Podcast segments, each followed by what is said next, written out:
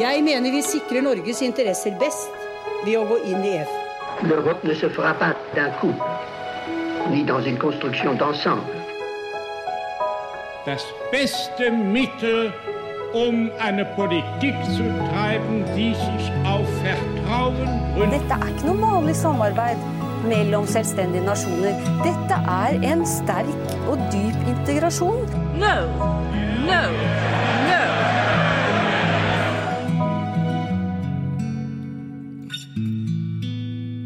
Velkommen til Det europeiske kvarter, en podkast om europeisk politikk og historie, med meg, Kristine Graning. Og meg, Lise Rye. Og vi jobber begge på programmet for europastudier på NTNU. Og da vi starta denne podkasten, Lise, så tror jeg kanskje ikke vi hadde sett for oss at vi skulle komme helt til episode 50. Men Helt eh, klart ikke. her er vi i dag. Og det har jo blitt litt til mens vi Det blir jo litt til mens vi går denne podkasten. Det gjør det. Vi tar jo de temaene vi sjøl syns er interessante, Mm. Dem vi får forslag om. Og, og det, denne høsten så har det jo absolutt vært mye det har gått an å snakke om, men vi har jo valgt å ha eh, litt fokus på, på ting som betyr mye i det, i det store løp. Ja da. Og et særlig fokus på Europaparlamentet. Vi lader jo opp til valget nå til våren som vi tror blir veldig, veldig spennende. Mm. Og da passer det jo godt å avrunde denne sesongen med en budsjettepisode igjen, eh, av en person som har betydd mye for Europaparlamentets historie, men også for EU sin historie i stort, og som også er har, eh, som også i seg sjøl sier mye om, om den europeiske historien, eh, også utover i EU. Absolutt. Vi skal snakke om Simone Weil. Og hvis du skal si kort, Lise, hva, hvorfor, hvorfor skal man snakke om Simone Weil i den, i den sammenhengen? Og jeg tenker det er veldig mange gode grunner til å snakke om Simone Weil. Altså, hun er jo da en fransk politiker som eh, blir Europaparlamentets første direktevalgte president. Eh, Men Simone Weil hun personifiserer også den her tette forbindelser mellom krig og integrasjon, som vi kanskje har litt lett for å glemme i Norge. Mm. Som et bilde på hvor stor betydning EU også har lagt eh, til Simone Weil og, og hennes person, så, så er jo også en av bygningene i Strasbourg eh, en, en bygning som på en måte skal vise fram eh, hva Europaparlamentet gjør, har fått navn etter Simone Weil. Ja, Simone Weil har vært viktig for, eh, for EU, og hun har vært viktig for Frankrike. Mm. Det er jo en lang historie. Hun, eh, hun ble født i 1927 og, og døde i eh, 2018, så bare seks år siden vel. Og, og vi tenker at vi skal, vi skal gå litt inn i ulike deler av, av det her livsløpet, men vi kan jo starte med den politiske karrieren hennes som, som fransk politiker først. Ja, eh, det kan vi godt. Eh, hm. Da, da Simone Wei døde eh, for seks år siden, som du sa, så var den fjerde dama som ble hedra med å bli gravlagt i Pantheon. Pantheon, det er jo det her gedigne, nyklassisistiske bygget som ligger like ved Sorbonne-universitetet I Paris, mm. Ja. Det ble bygd som ei kirke, men eh, så ble det etter hvert gjort til gravsted for helter av Frankrike. Eh, og eh, når du kommer dit, så kan du se over døra, og der er det en inskripsjon hvor det står 'Fedrelandet takker sine store menn'. Eh, men i 2018 så valgte de altså å takke Simone Weil med å Hva heter det? Stedet hun til hvile der. Mm. Og det var det god grunn til. For det historien til Simon Weil, man kan jo dra en del paralleller til det vi kjenner fra norsk politikk, med hvordan damer får, eh, kvinner får innsteg i, i politikken, i regjeringskontorene. Det er jo det her er jo den samme perioden som, eh, som vi som Ja. har sett på makta, har, har sett at Gro Harlem Brundtland fikk, eh, fikk en ministerpost, og det er litt det samme som skjer eh, med Simone Weil. Det, det er det. Vi har jo sett på makta, men, eh, men sammenligna med, med Frankrike, så var jo Norge riktig, riktig progressivt. Altså Frankrike var aldri noe foregangsland for, for likestilling. Eh, Kvinner fikk stemmerett først i 1944, vel. Og ja, politikken var i det hele tatt veldig mannsdominert. Eh, Nasjonalforsamlinga hadde vel kanskje ja, 5 av, eh, av representantene var damer, og sånn, og sånn var det veldig lenge, til langt ut på 1990-tallet. Eh, men eh, Simone Weil da, hun kommer inn i fransk politikk på 1970-tallet som, eh, som, helseminister når Valéry Giscard d'Estaing er president, og han blir fransk president i 1974. Og hun kommer inn i politikken via jussen. Hun hadde studert juss, hadde virka som advokat og ble etter hvert det som man i Frankrike kaller magistrat, og som vi vel i Norge det er vel tilsvarende en sorenskriver.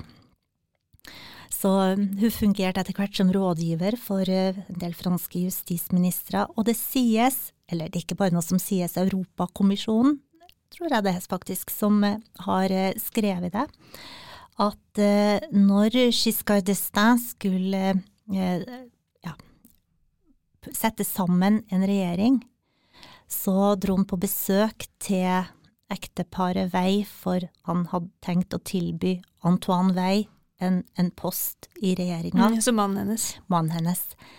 Eh, men eh, han ombestemte seg, eh, og endte opp med å tilby Simone vei en post i stedet. Mm, og det her var altså i 1974. Mm, for de hadde ganske lik bakgrunn, hadde de ikke? De var nok jurister begge to. Mm. Så, så, da, så, så, da, fikk Simone Wei denne posten som helseminister eh, først.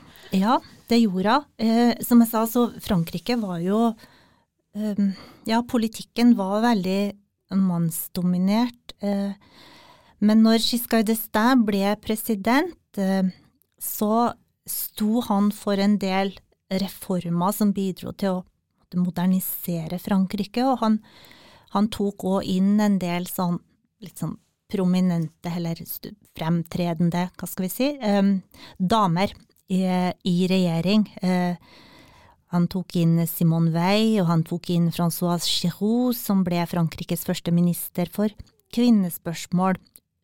Hun var også hun var en kjent journalist i Frankrike, hadde blant annet vært med å starte opp L'Express, som er det her magasinet som på en måte er Frankrikes svar på Time. Mm. Uh, så mens Giscard eh, d'Estaing var president, så ble stemmealderen ble senka til 18 år, det ble lettere å skille seg, handikappa eh, mennesker sine rettigheter ble styrka, og, og, det ble også kvinners rettigheter gjennom den nye abortlovgivninga, som nok er det som Simone Weil fremfor alt er kjent for i Frankrike. Mm. Jeg tror det er mange som ikke kjenner så godt til denne tida i historien, liksom inkludert meg sjøl. Eh, for det her er jo ganske tydelig skifte, eh, som du skisserer opp. Eh, og det her skjer jo også under en, en høyreregjering, ikke sant? En konservativ regjering. Det gjør det, men hva, hva er det som gjør at det skjer? Kan du bare si litt om det? Ja, si det. Altså, det er jo, det er jo et, en eh, periode hvor det skjer store endringer i Vesten, i kjølvannet av 1968, i forbindelse med at nye grupper gjør sitt inntog i politikken. Så, så der er Frankrike mer på linje, akkurat her, med, med andre land. Og eh, den her Ja, den her men, men, det er et skifte, som du sier, helt klart. For i Frankrike så var det sånn at frem til den nye abortlovgivninga som, eh, som, man kaller la loi vei i Frankrike etter Simone Weil, og den kom i 1975, så, så var det eh, Hva skal man si? Altså, den loven avkriminaliserte abort, og den ga rett til abort. Så, så før det var det en straffbar handling å gjennomføre gjennomføre abort. Mm. Og det tror jeg det er kanskje flere som, som, har kjennskap til. Det har jo blitt mye oppmerksomhet rundt abortspørsmål selv de siste årene, fordi det har blitt så kraftig utfordra i, i, flere land. Men man har også eh, forfatterskapet til Annie Ernaux, der hun har skrevet eh, bok, eh, 'Hendelsen', som handler om nettopp det her, hvor, hvor vanskelig og, og, og det var som, som kvinne ja, eh, i denne perioden i Frankrike. Hun, hun fikk jo utført en abort sjøl, ulovlig, da, eh, i 1963 med, med store konsekvenser for, for hennes liv. Ja, eh, det var en det, det skapte mange, mange vanskelige situasjoner, og aller vanskeligst var det selvfølgelig for dem som hadde minst ressurser. Og en, og en veldig viktig sak i denne utviklinga mot den avkriminalisering av eh, abort i Frankrike, det var eh, det som er kjent som, eller kanskje er det ikke kjent, men det var en rettssak eh, i 1972 som ja, den går under navnet Bobigny-saken, fordi det var i Bobigny den ble ført. Men det handla om ei 16 år gammel jente som hadde blitt voldtatt og ble gravid, og som ikke ønska å bære fram det barnet. Og så fikk hun hjelp av mora si og noen andre damer eh, til å komme til et sted hvor hun kunne ja, få utført en abort. Og han som hadde voldtatt henne, han anga, og saken eh, kom for retten. Ehm, det var forresten en annen eh, veldig kjent eh, sånn, feminist og advokat i Frankrike, en sånn fransk-tunisisk eh, advokat som heter Giselle Halimi, som førte denne saken. Og hun, hun var veldig dyktig. Hun klarte å skape stor interesse rundt denne saken. Hun mobiliserte kjente figurer som Simone de Beauvoir, og, og, det endte med at den 16 år gamle jenta ble frifunnet. Mora og noen av medhjelperne fikk en betinga dom, men det førte jo også til at uh, det bereda jo grunn, kan du si, for uh, La Loi som kom tre år etterpå. Mm. Det er jo ikke vanskelig å forstå at Simone Weil engasjerte seg i denne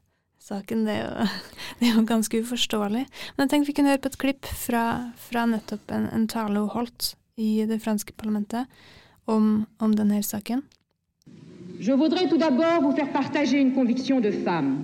Je m'excuse de le faire devant cette assemblée presque exclusivement composée d'hommes. Aucune femme ne recourt de gaieté de cœur à l'avortement.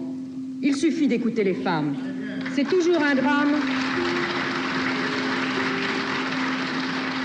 har henta det her lille klippet fra, fra, en dokumentar som ligger på, på, YouTube. Vi kan lenke til den i, i beskrivelsen av episoden. Mm. Men, men, hva er det vi hører her, Lise?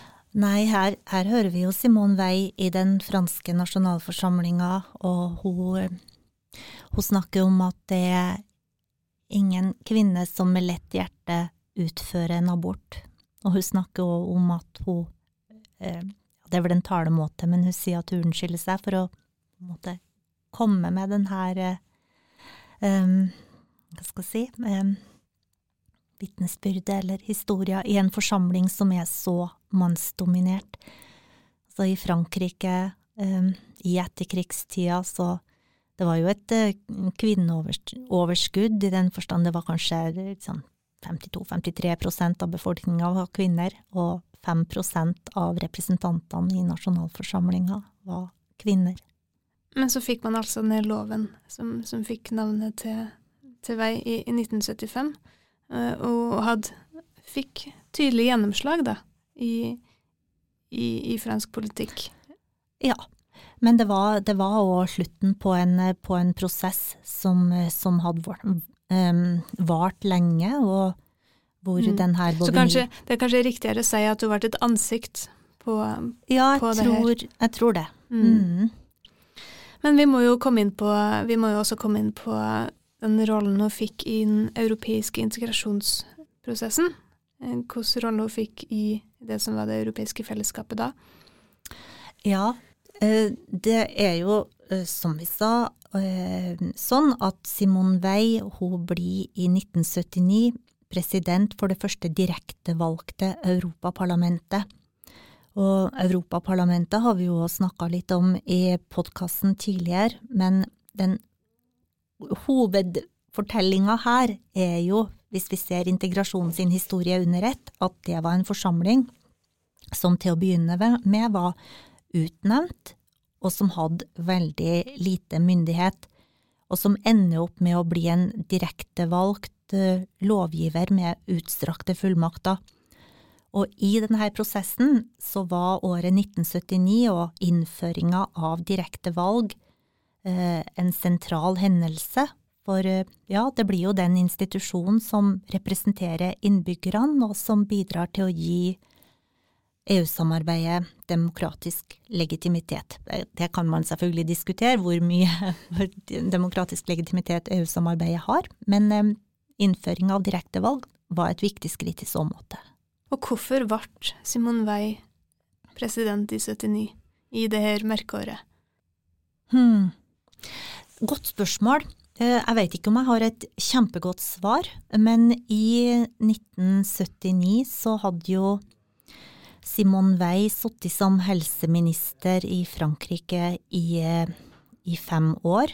Eh, hun hadde altså relativt tung erfaring fra nasjonal politikk, og det her er jo også en 70-tallet blir jo også i mindre grad enn rundt omkring i en del land, men det blir jo også en periode hvor vi eh, hvor damer da blir mer synlig også i i EU-samarbeidet, eller EF-samarbeidet som det heter da. Um, hvis, vi, hvis, vi, ser på hvis vi, hvis vi ser på Europaparlamentet, så var det 15% kvinnelige representanter. Uh, altså 15% av de representantene som ble valgt inn i 1979, de var damer. Og det var jo betydelig høyere enn, enn hva situasjonen var i Frankrike, for eksempel. Men hvis vi ser på Europakommisjonen, så må vi enda et tiår fram i tid før vi får de første kvinnelige kommissærene. Så ja, mm. viktig skritt på veien. Jeg, jeg vet ja, ikke om jeg har et kjempegodt svar på akkurat hvorfor Simon Wei.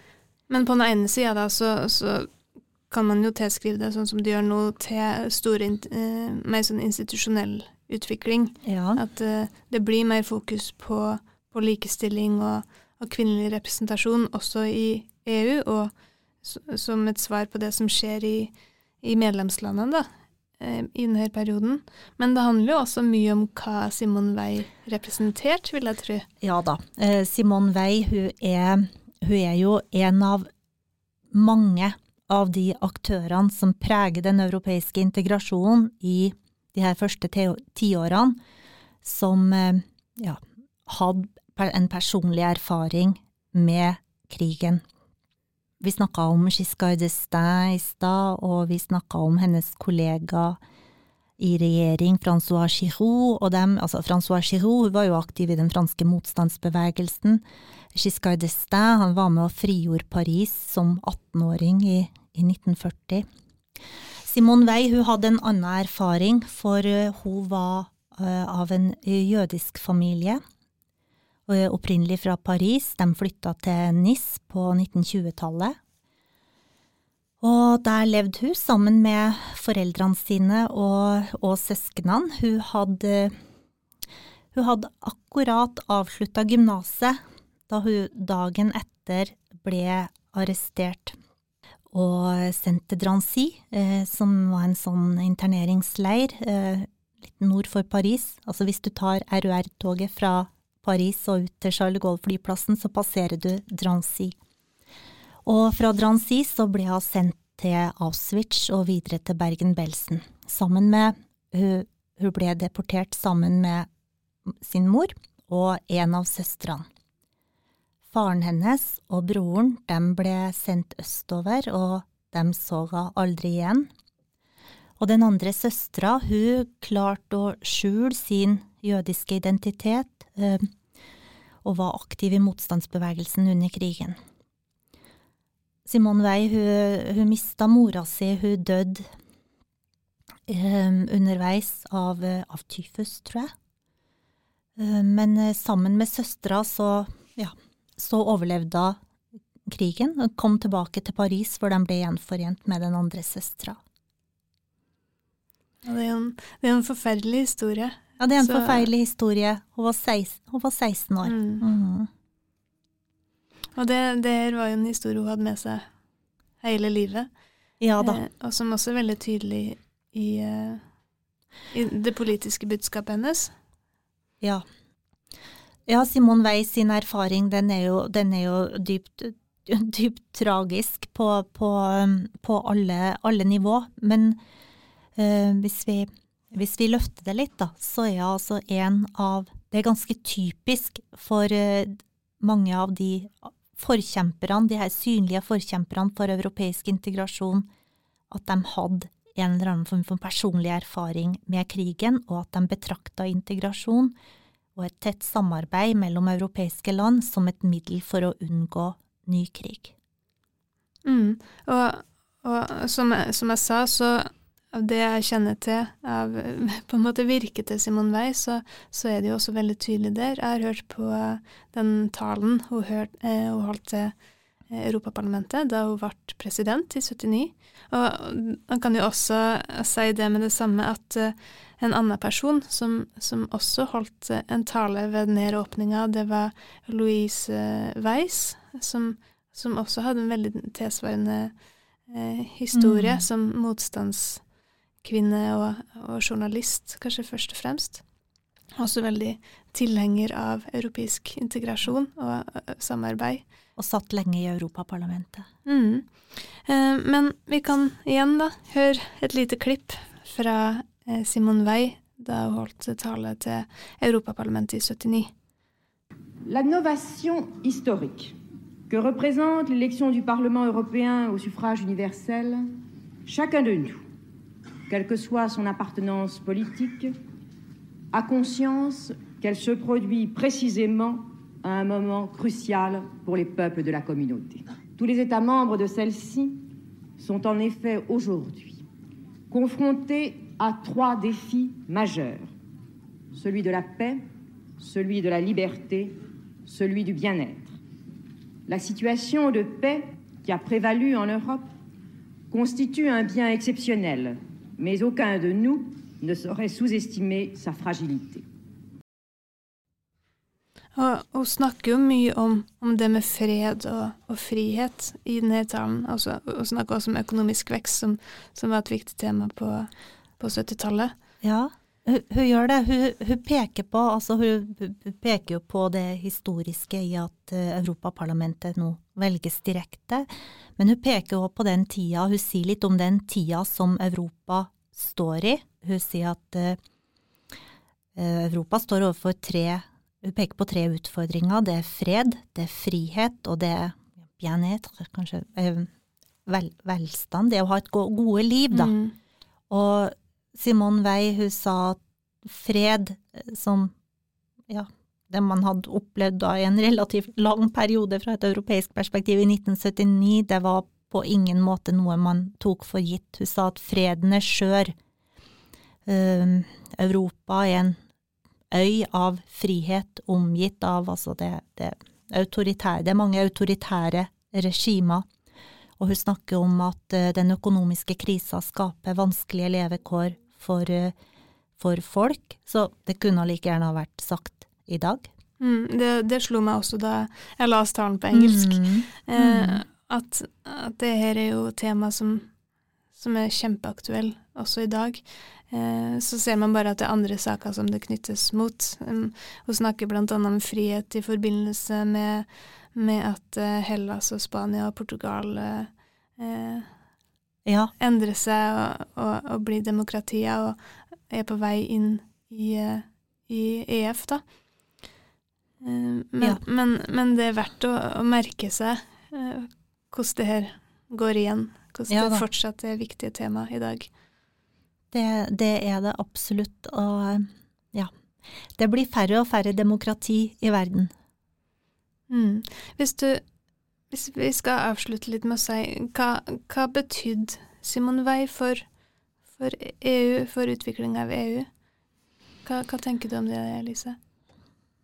Ja, eh, nei, litt på samme måte som hun personifiserer denne moderniseringa eh, av Frankrike som den nye abortlovgivninga Eh, er en del av, så personifiserer jeg jo et mer demokratisk EF, EU, i form av at Europaparlamentet blir direkte valgt av innbyggerne, og i form av at det direkte valgte Europaparlamentet da var i en prosess hvor man skulle få mer makt.